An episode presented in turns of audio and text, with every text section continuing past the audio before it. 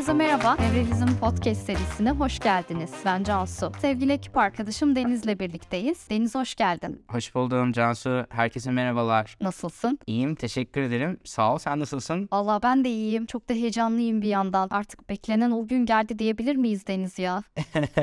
evet, en nihayetinde geldi. Evet, artık Devrelizm'in ilk bölümünü çekiyoruz Deniz'le birlikte. Peki, bugün ne konuşacağız? Aslında ilk bölüm özelinde biz neden böyle bir podcast çıkarma ihtiyacı duyduk onu anlatmak istedik size. Hem de daha sonraki bölümlerde neler anlatmayı planlıyoruz. Biraz böyle bunları özetlediğimiz bir bölüm olacak. Ama ilk adımda nereden geliyor bu devrelizm ismi onu anlatmak istiyorum. İsmin özellikle o arkadaki hikayesini paylaşmak istiyorum bizi dinleyenlerle. Gerçi ismin hikayesinden önce bizim de seninle ayrı bir hikayemiz var Deniz hatırlarsın belki bir tanışma hikayemiz var. Belki onu da anlatabilirim ilk önce. Çünkü asıl da konu oradan çıktı. Biz Deniz'le bir yemek organizasyonunda tanışmıştık o gece. Böyle o masada böyle karşılıklı hem tanışıyoruz hem de birlikte neler yaptığımızı anlatıyoruz işte. Deniz yaptığı projelerden bahsediyor. İşte ben yaptıklarımdan bahsediyorum ve o gecenin böyle ortak noktalarımızdan birinin podcast olduğunu anladık Deniz'le ve dedim ki Deniz bizim birlikte bir podcast çekmemiz lazım. Ta o zamana dayanır bizim podcast planı. Gerçekten yani böyle tanışır tanışmaz hatta tanıştığımız ilk andan beridir evet biz podcast çekmeliyiz diye e, böyle konuşmaya başladık Cansu'yla. Bu da onun umarım ki ilk bölümü olacak.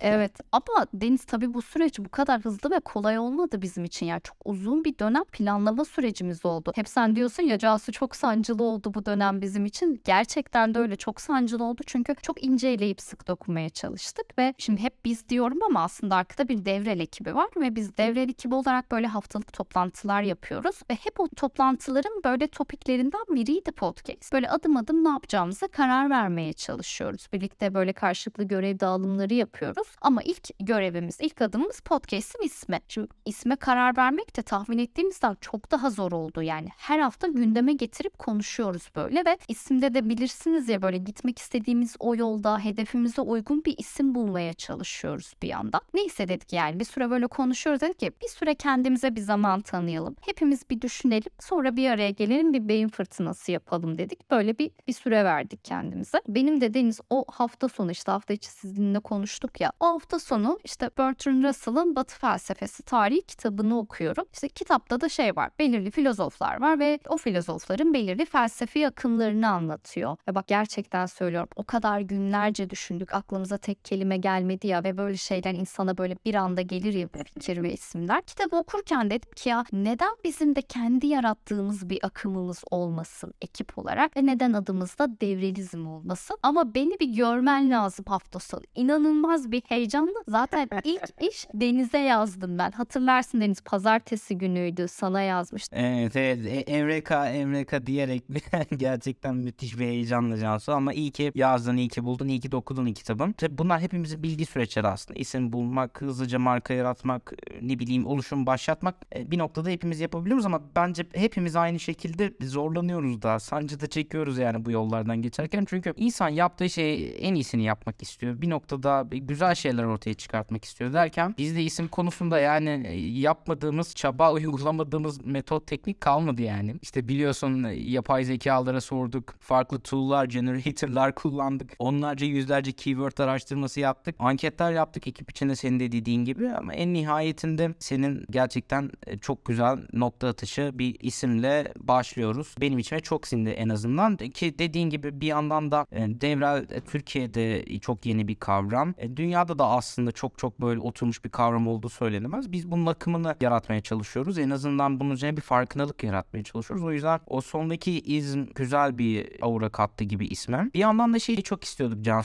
Yine biliyorsun ekibiyle birlikte. Bulduğumuz isim yaptığımız podcast'in e, içeriğiyle paralellik kurması gerekiyordu. Bir, bir noktada bir anlamı olmalıydı. Orada bir gizli sos olmalıydı derken aslında bizim e, bu serideki gizli sosumuzda çok gizli değil tabii ama bölüm bölüm Devril'in iki kanadı olan developer tarafı, teknik tarafı ve rel dediğimiz relation e, tarafından ilerlemek aslında bölüm bölüm. Bir bölüm teknik konular üzerine yoğunlaşacakken bir bölümde ilişkiler üzerine, biraz daha topluluklar üzerine, e, biraz daha böyle soft konular üzerine yoğunlaşacağımız bir seri olacak. E, dolayısıyla Devril'i aslında ikiye böldük diye böyle bir isimle de bir gizli sos yaratmaya çalıştık. Bizce güzel oldu. Bizim çok içimize sindi gerçekten. Umarım siz de ismi ve bundan sonraki paylaştığımız konuları beğenirsiniz. Tabii ondan sonraki süreç bizim için daha hızlı ilerlemeye başladı ismi bulduktan sonra. Biraz daha teknik ve tasarım konularını planladık ekip olarak. Motive de oluyor yani bir şeyin ismi konulunca Cansu gerçekten motive de oluyoruz ekip olarak. Mesela bu zamana kadar yine toplantılarda hep gündemimizde podcast diye bahsediyorduk. Devrelizm demeye başladık yani bir noktada adının konması aslında çok motive eden bir şey yani işi somutlaştırıyor. Kesinlikle öyle. Peki ben sana bir soru sormak istiyorum Deniz bu noktada. Şimdi o kadar devrel konusundan bahsettik ama şöyle devrelin tanımını da yapma ihtiyacı duyuyoruz burada. Çünkü böyle yavaş yavaş artık bilinmeye başlanan bir tanım olsa da genelde sektör genelinde böyle yanlış yorumlanabiliyor. O yüzden sen de böyle sektörün içinde olan biri olarak sana sormak istiyorum özellikle. Devrel nedir? Devrel ekipleri ne yapar? Bize biraz bahsedebilir misin? T- tabii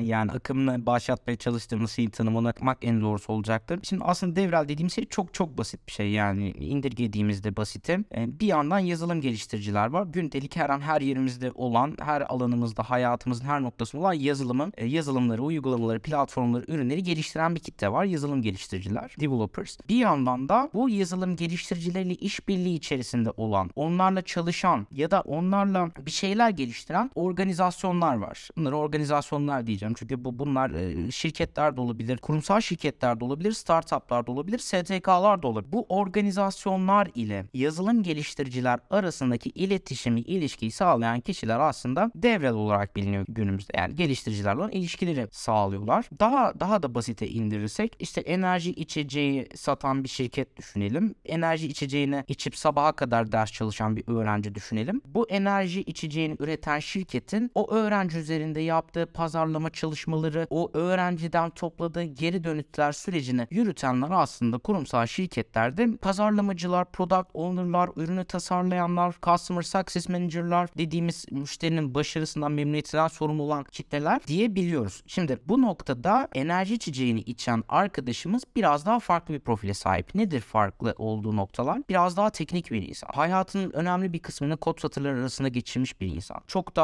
e, mantıksal düşünebilen bir insan. Hal böyle olunca enerji içeceğini pazarladığınız öğrenciye uyguladığınız pazarlama metotlarıyla e, ya da süreç şemalarıyla, akışlarıyla, pazarlama funnel'larıyla aynı şekilde yazılımcıya gidemiyoruz. Çünkü onların anladığı dil, iletişim biçimleri, davranışları, kullandıkları ürünler sizin pazarlamaya çalıştığınız ürünler çok daha farklı. Dolayısıyla yazılım geliştiricileri bir şeyler pazarlarken, onların bir şeyleri kullanmasını isterken onların dilinden anlayan birileri lazım. Bu birileri hem yazılım bilecek, temel düzeyde de olsa genelde bu arada çok iyi düzeyde bilirler. Bilmesi lazım. Hem de ilişkileri iyi yürütebilmesi lazım. Organizasyonun diğer tarafındaki ekiplerle, yöneticilerle iletişimi sağlayabilmesi lazım. Hem geliştiricilere bir şeyler kazandırması lazım hem de şirketin içerisine geliştiricilerden e, geri dönütler, beslemeler toplaması lazım. Aslında bu iki yönlü iletişimi sağlayan kişiler e, geliştirici ilişkiler olarak tanımlanıyor Cansu temel düzeyde. E, tabii ki de çok çok yüzeysel. Bunun şu an günümüzde yapısal şemalarında çok çok daha altları var. Devrel dediğimiz şey aslında bir çatı, görev, bir rol. Peki bu çatı altında neleri barındırıyor? Az önce işte geliştiriciden şirkete bir şey getirebildiğini, bir geri dönüt getirebildiğini, geliştiricilere ürün pazarlayabildiğini söyledik. Devrel noktasında bunu yapan iki tane önemli alt rol var aslında. Birincisi advocate'ler. Advocate'ler aslında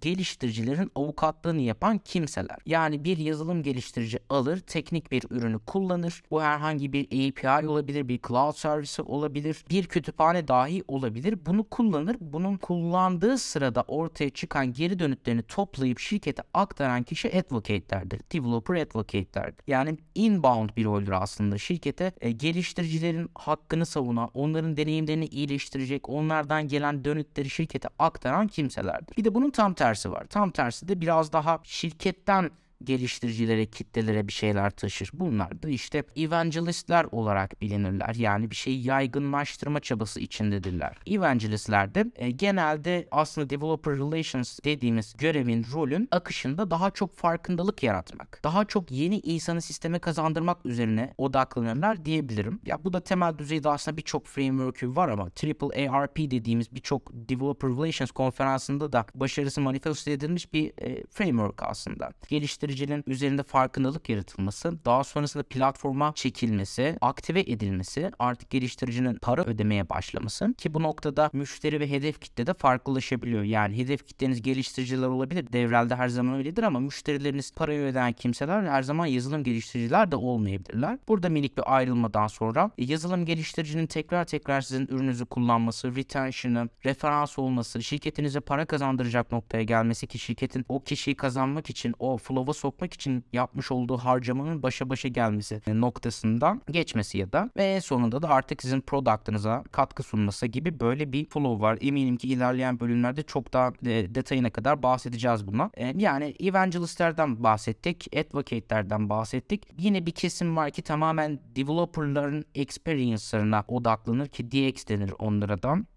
kısaca. Bir yandan da developer e, marketerlar var. Sadece marketing kısmına odaklanırlar. Developerların pazarlama döngüsünde nasıl olayları nasıl algıladıklarına üzerine çalışıp onların aslında çok daha pain pointlerine dokunup ve bir noktada yine evangelistler gibi o e, framework'ün başındaki üç harfe dokunmaya çalışırlar gibi gibi böyle aslında developer relations'ın çok fazla alt var ama en önemlisi ki Cansu sen de biz de ekip olarak zaten işimizde çokça yapıyoruz. Çok da önem verdiğimiz bir şey. Şimdi geliştiriciden feedback alacak da olsanız, feedback verecek de olsanız, ürün de satacak olsanız, onların hikayelerini takip ediyor da olacak olsanız ilk gideceğiniz geliştiriciler sizin kendi geliştirici topluluğunuzdan oluyor. Yani dışarıdaki ge- geliştirici ikinci planda oluyor. Her zaman kendi öz geliştirici topluluğunuzdan yararlanıyorsunuz bu developer relation sürecinde. Dolayısıyla community, developer communities'de bu devrel aslında şemasının en altında ormanın altındaki toprak gibi düşünülebilir yani. Dolayısıyla topluluk, e, marketer'ı, experience'dan sorumlusu, evangelist'i, advocate'i derken devrel ortaya çıkıyor aslında. Yani A'dan Z'ye ki biz bunu A'dan P'ye diyoruz ARRP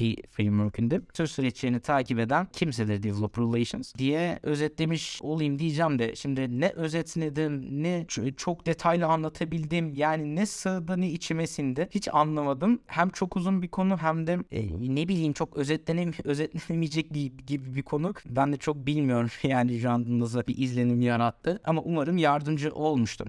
Şöyle bir şey var. Önümüzde çok uzun bir yol var. Zaten böyle çok detaylı bir şekilde rahat rahat anlatacağız. Bence ilk adımda çok güzel özetledin Deniz. Ağzına sağlık. Ama ben bu konuyla bağlantılı bir şey daha sormak istiyorum sana. Bence bu konuda çok merak ediliyor. Şimdi günümüzde özellikle son zamanlarda işte devrelde o sektör hem ihtiyaç da arttı, ihtiyaçla bağlantılı ilgi de artmaya başladı. Peki sence devrel ekibinin kariyer olanakları sence nasıl? Yani geleceğini nasıl görüyorsun? Şimdi her şeyden önce peşinden söyleyebilirim ki mükemmel bir geleceği var. Bunu aslında ben de söylemiyorum. Statista'dan, internetten birkaç tane e, rapora bakıldığında 2030 yılında, 2040-50 yıllarında developer relations alanının aslında ne kadar büyüyeceğini, ne kadar kıymetli bir hale geleceğini ki şu anda da öyle zaten gideceğini görüyoruz. Buradaki büyümenin eksponansiyel bir şekilde artacağını da görüyoruz. Ancak burada bir husus var. Küresel piyasanın da Türkiye piyasasının da çok büyük bir sıkıntısı olan senior geliştirici sıkıntısı. Aslında kendisini sektörüne adılmış, bu işin doğayın olmuş geliştirici kişiler. Normalde bu işin en merkezine gidildiğinde devrel olan kişiler senior geliştiriciler. Ya bir noktada çok iyi yazılım yapan insanlar, yıllarını adamışlar. Çok problemli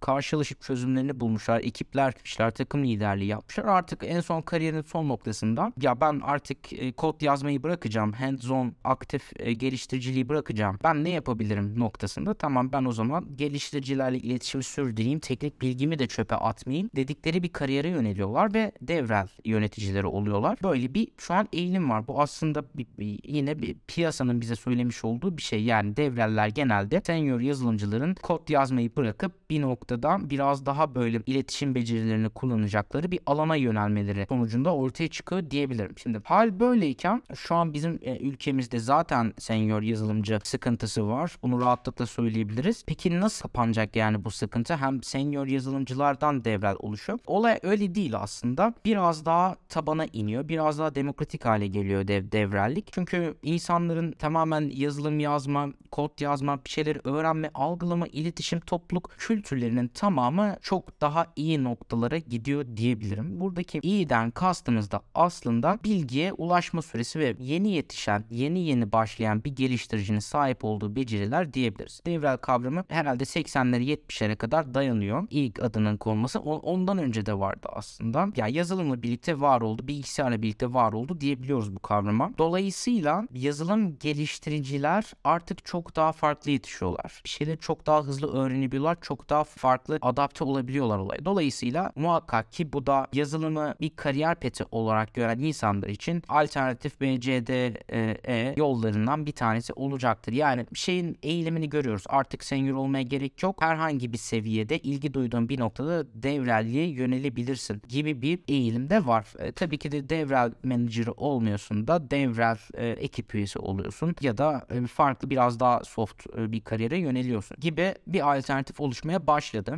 bizim ülkemizde de. Ya zaten yazılım ekosisteminin, yazılım geliştiricilerinin sayısının arttığı, bu kültürün, bu toplumun, bu ekosistemin büyüdüğü bir dünyada bunlarla iletişimi sağlayan bir meslek dalının, bir alanın, ilgi alanının azalmasını, sabit kalmasını bekleyemeyiz. Emin olun yani hangi rakam olursa olsun 2030 yılına kadar dünyadaki yazılımcı sayısı 2,5-3 katına çıkacak. Üretilen yazılım miktarı artacak. Yazılımcıların kullanacağı ürünler artacak gibi gibi aslında e, çok büyük hacim genişlemeleri yaşayacağız. Bir yandan da işte yapay zeka gelişiyor. Yapay zeka, AI assistive programming gibi birçok aslında bu konuda yönder firma ürünlerini sunuyorlar. Microsoft gibi. İşte bu yazılımcılara olan ihtiyacı azaltacak. Yazılım kendi yazılımını yazacak falan. Bunun örneklerini görebiliyoruz temel düzeyde. Çok daha derinleri aslında epey bir vakittir var ama bu bu da aslında yazılımcı ihtiyacını için e, müthiş bir tehlike değil. Yani işte konuşuluyor aslında Product Reddit'te tartışılıyor ama çok değil. Çünkü yapay zekayı geliştirmenin gerektirdiği yazılımcı insan gücü yapay zekanın replace edebildiği yerine geçebildiği bildiği yazılımcı sayısından çok daha büyük. Ve tabii ki de bir yazılım kariyerindeki akışkanlığı, geçiş e, hızını ya da ilgi geçişini düşündüğümüzde böyle bir şeyin de argümanın da çok gerçekçi olmadığını